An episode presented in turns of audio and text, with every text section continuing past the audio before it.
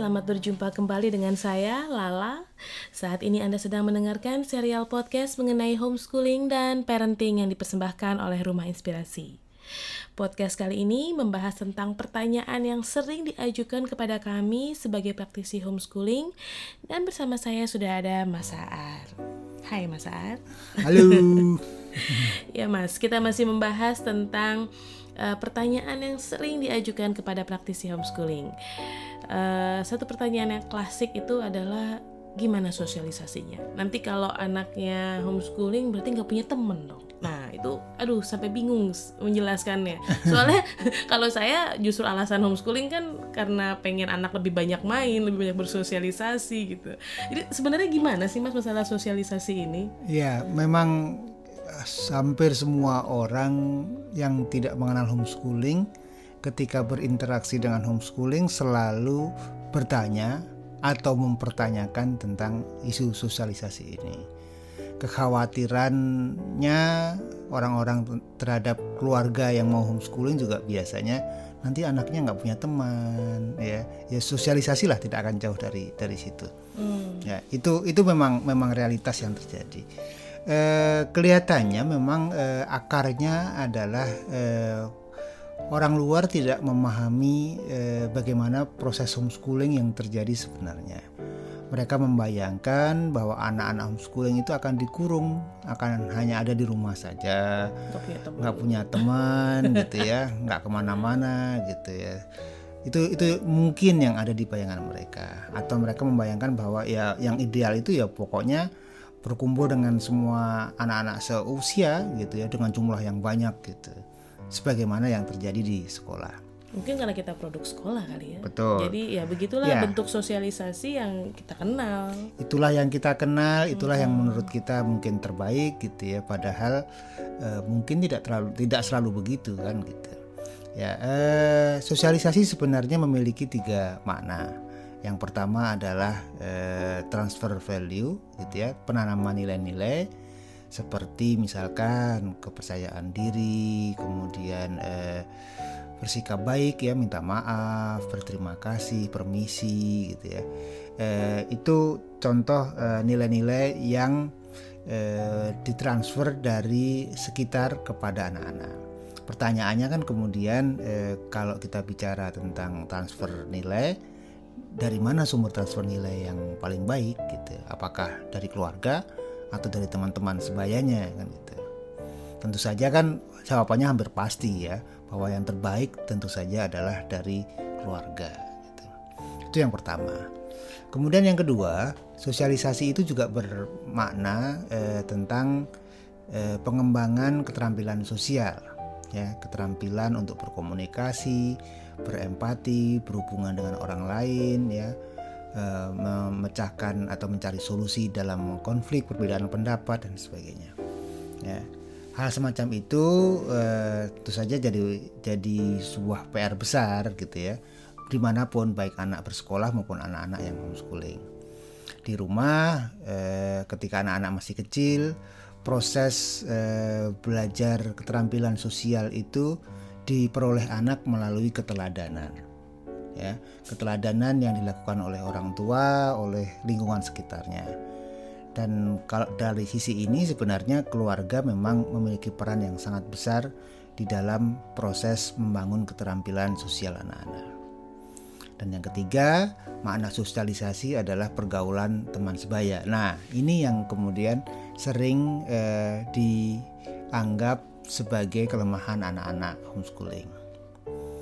Jadi eh, sebenarnya eh, sosialisasi teman sebaya, pergaulan teman sebaya itu memang diperlukan, gitu ya. Tapi memang model sosialisasi anak-anak homeschooling berbeda dengan anak-anak sekolah. Kalau anak-anak sekolah kan berkumpul dengan teman-teman seusianya dalam jumlah yang banyak 20 sampai 40 orang di dalam satu kelas ruang yang sama dan kemudian selama eh, lima 5 jam dalam satu hari selama bertahun-tahun. Ya minimum ya. ya begitu intens pergaulan dengan teman sebayanya gitu. Apakah kemudian dalam atau tidak itu kan sebuah urusan yang lain. Apakah itu bermakna positif atau negatif ya itu sebuah hal yang lain. Tapi isu apa modelnya seperti itu model sosialisasinya. Tetapi eh, anak-anak homeschooling memiliki model sosialisasi yang berbeda. Berbeda itu tidak selalu bermakna buruk. Ya, karena sebenarnya eh, model sosialisasi itu kan ada dua. Yang pertama adalah sosialisasi eh, horizontal, teman sebaya, sebagaimana yang biasa kita saksikan di sekolah, dan ada juga sosialisasi vertikal, sosialisasi lintas umur. Nah, eh, di lingkungan yang alami, sebenarnya yang terjadi adalah sosialisasi vertikal. Kita tidak pernah mendapati sebuah keluarga, lingkungan habitat eh, sosial yang alami yang isinya satu eh, satu kelompok yang isinya satu usia gitu ya. Di keluarga misalnya ya sebuah komunitas eh, habitat yang paling paling kecil eh, yang kita jalani gitu ya. Kan tidak tidak seumur gitu pasti ya. Ada kakek, nenek, ada ibu, bapak, ada anak-anak yang berbeda usia, mungkin ada tante, ada sepupu dan sebagainya, beda-beda usianya dan kemudian kita berlatih anak-anak juga berlatih bergaul dengan eh, anggota keluarga yang berbeda usianya. Keluar sedikit pertetanggaan gitu ya. Di lingkungan RT usianya beda-beda. Mau ikut kegiatan aktif di Karang Taruna usianya beda. Kerja ya? Bekerja usianya pasti beda. Bos bisa lebih muda ya. Kemudian ya pasti beda-beda gitu ya. Hmm, sehingga lingkungan yang berbeda usia itu adalah sebuah lingkungan yang yang sangat penting yang membutuhkan sebuah keterampilan untuk berinteraksi di dalamnya. Nah, anak-anak homeschooling itu lebih terbiasa berinteraksi secara vertikal dengan orang-orang yang beda usia dibandingkan dengan anak-anak sekolah. Sehingga kalau kita mau lihat sisi positifnya adalah mereka tidak butuh uh, adjustment, adjustment ketika masuk di dunia nyata, baik di dunia masyarakat maupun di dunia pekerjaan. Ya, berbeda dengan anak-anak sekolah yang karena terbiasa dengan teman-teman seusianya, beda dua angkatan saja kan rasanya senioritasnya tinggi sekali kan. Nah, kalau anak-anak homeschooling karena biasa bergaul dengan usia yang berbeda, rasa senioritas itu biasanya tidak terlalu terasa gitu ya. Hmm. Temukan mereka bahkan mereka mungkin tidak kenal gitu ya senioritas berdasarkan beda angkatan gitu ya. Ya yang ada hormat aja. Ya. Gitu ya tapi jadi bukan yang gimana gitu. Hmm, betul. Jadi itu eh, poin pentingnya adalah bahwa eh, model model sosialisasi homeschooling itu memang berbeda, tetapi tidak berarti kemudian lebih buruk daripada sekolah. Juga eh, hal yang penting menjadi catatan di dalam sosialisasi ini adalah eh, kelihatannya model banyak sekali variabel yang berpengaruh di dalam eh, kualitas eh, kemampuan sosial anak-anak, ya. Eh, tidak hanya masalah sekolah dan tidak sekolah, ya homesekolah dan homeschooling, tetapi juga ada karakter orang tua, kebiasaan keluarga, karakter anak yang eh, berbeda-beda gitu, yang kemudian membutuhkan model eh, sosialisasi yang berbeda.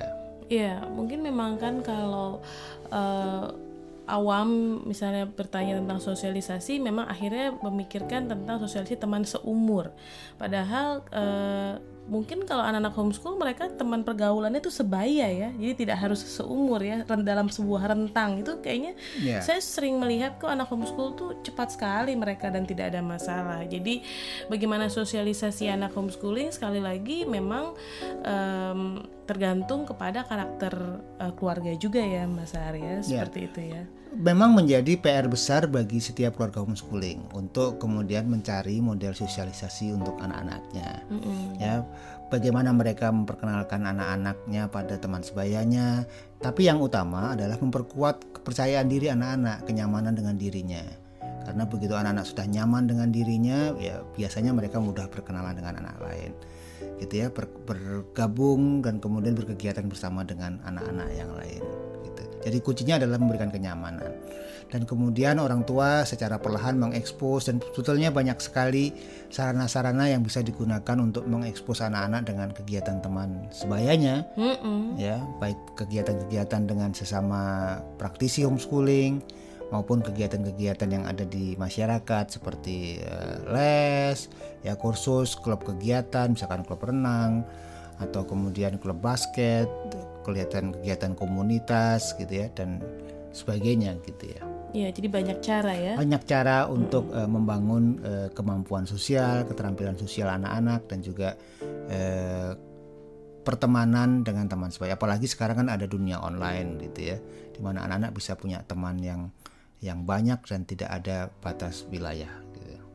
Iya, jadi tidak ada masalah dengan sosialisasi. Dan uh, buat teman-teman semua yang sedang mendengarkan podcast Rumah Inspirasi, mudah-mudahan udah nggak nanya lagi ya gimana sosialisasinya. Anak homeschooling, langsung dilihat aja gitu kan. Karena eh, rata-rata uh, sih kalau dari pengalaman kami uh, rasanya memang ya biasa-biasa aja ya. Gitu ya, ya, memang ada anak-anak yang cenderung introvert, mm -mm. tapi kan juga di sekolah juga biasa. Ya, kan? biasa-biasa aja, ada yang introvert, ada yang extrovert, jadi ya, ya biasa aja gitu seperti kita lihat anak sekolah ya ada yang tertutup ada yang uh, banyak omong gitu kan ya gitu. ketika misalkan ada kegiatan-kegiatan bersama misalkan festival pendidikan rumah gitu ya sebuah kegiatan camping dua hari dua malam tiga hari gitu ya yang uh, diselenggarakan anak apa keluarga homeschooling itu anak-anak juga langsung bergaul dengan temennya main sama temennya mm -hmm. gitu nggak nggak ada masalah gitu Iya, oke teman-teman semua itu tadi podcast tentang uh, sosialisasi anak homeschooling.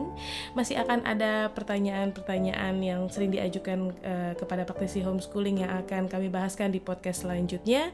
Kita ketemu lagi di podcast Rumah Inspirasi berikutnya.